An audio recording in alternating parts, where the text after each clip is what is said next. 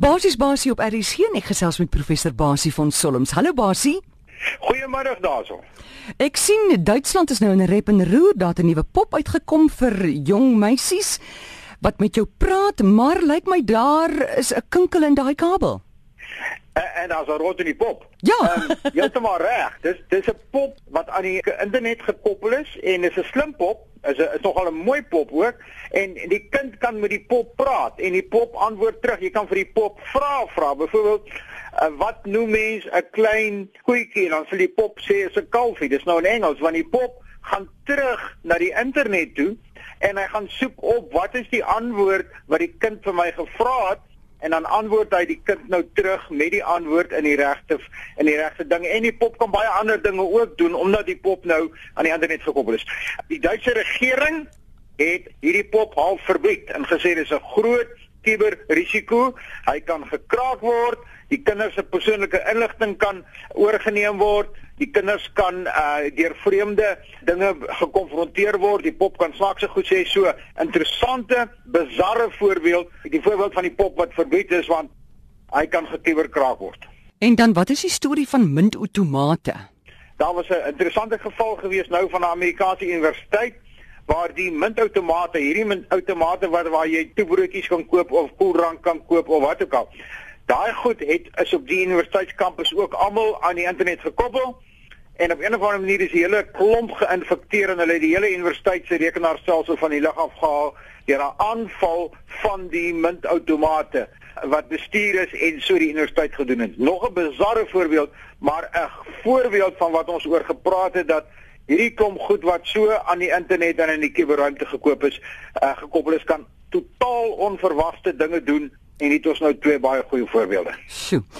En dan basie ons het so tydjie terug gesels oor gesigsherkenning en ek het ja. so gehoop dat ons sal uiteindelik ontslaak kan raak van paspoorte en ID-boekies soos ons reis, hulle kan jou net op jou gesig herken. Het daar iets intussen ontwikkel daaroor? Ja, en dit is baie interessant. Ek het gaan kyk daarna. Daar daar's groot ontwikkelings daar byvoorbeeld in in Auckland lughawe in Nieu-Seeland het jy nou totaal die opsie om deur jou gesig herken te word. En uh die nuwe daar's oorsprake ek het 'n bietjie gelees oor die nuwe iPhone wat uitkom. Gaan nie meer 'n vingerafdrukleser hê waar jy waarmee jy jou nou kan onthou nou wagwoorde is nou al half uit. Mm. die nuutste kan jy nou met jou vingerafdruk identifiseer dat jy die eienaar is. En ek lyk vir my van die heel nuwe ontwikkelings is dat van die fone nou jou gesig gaan herken. Jy gaan gewoon vir die die jou foon aanskakel na die foon kyk 'n foto neem en dit gaan vergelyk word met die foto wat van jou gestoor is Nou onthou dis nie 'n foto soos 'n foto nie. Hierdie is wat jy verlede keer gesê het, dis gesigsherkenning. Met ander woorde, van jou gesig word mates geneem hoe ver is jou oë van mekaar of hoe lank is jou neus en al sulke tipe dinge. En daai parameters word nou op jou slimkaart hmm. gestoor. En nou gaan jy byvoorbeeld by die paspoort hek en jy sit die kaart in en die die, die foto van die paspoort uh, hek neem uh, so 'n foto van jou Hy bepaal al hierdie mates en afstande in jou gesig en hy vergelyk dit met die beeld wat op jou kaart gestoor is en hy sê ja, dis jy of nee, dis nie jy nie. So is 'n skoon manier jy hoef aan niks te raak nie ensovoorts. So lyk my daar's groot ontwikkeling op die gebied en miskien gaan ons dit hoofstroom sien in van die nuwe uh, selfone. En onthou die verskil is hier, hy ver, hy, hy herken nie jou foto nie. 'n mm. Rekenaar kan nie 'n foto herken nie. Hy doen dit rekenaarmatig. Daarom stoor hy nie jou fisiese foto nie. Hy stoor die afmetings van jou gesig. En dan neem hy weer die afmetings van jou gesig en hy vergelyk die twee afmetings met mekaar. Baie baie interessante biometriese ontwikkelings. Goed.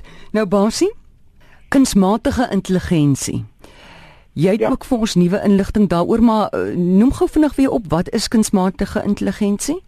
Kunsmatige intelligensie is rekenaars wat ongelooflik slim is, rekenaars wat self kan leer, rekenaars wat dinge sou kan doen wat jy nie vir hulle voor die tyd geprogrammeer het nie.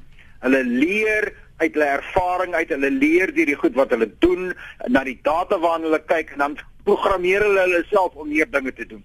Dit is 'n beginsel wat kunsmatige hmm. intelligensie is. En ons het gister verlede week gesê hierdie klomp ouens het gesê wees versigtig. Hier is voordele. Kunsmatige intelligensie het baie baie voordele vir die mens. Byvoorbeeld, weervoorspellings. Hoe slimmer ons die rekenaars kan leer om ook te gaan kyk wat het in die verlede gebeur met weervoorspellings in data en so aan. Hoe meer intelligent word die rekenaar, hoe meer gaan dink hy na gevalle wat gebeur het en hoe beter weervoorspellings gaan ons kry. Daar's geen twyfel mm. aan nie. Hierdie slim uh super slim rekenaars gaan uiteraard in robotte ingebou word. Robotte wat ons op allerlei plekke kan gebruik wat te gevaarlik is vir die mens. Daar's daar's al klaar myne waar hierdie robotte die mynwerk doen. Hulle is slim genoeg om te bepaal wat moet hulle doen? Hulle leer soos wat hulle voortgaan, dan myn hulle die werk. In 'n ander woorde, dit neem die risiko totaal van mense af weg.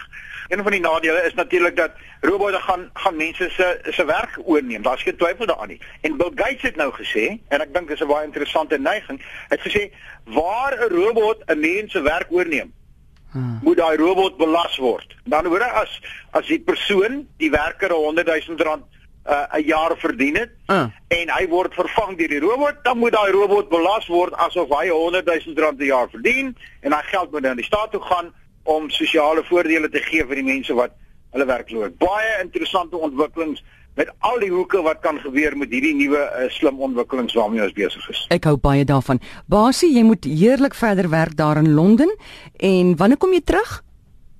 Ek is volgende Dinsdag as ek terug by die huis en hmm. volgende Donderdag as niks voorval hier en hier spaar ons, dan praat jy weer met my by my eie land in my eie land op my eie telefoon. Vir my adres rsgbasie@gmail.com en gaan kyk by ons webwerf www.cybersecurity.org.za.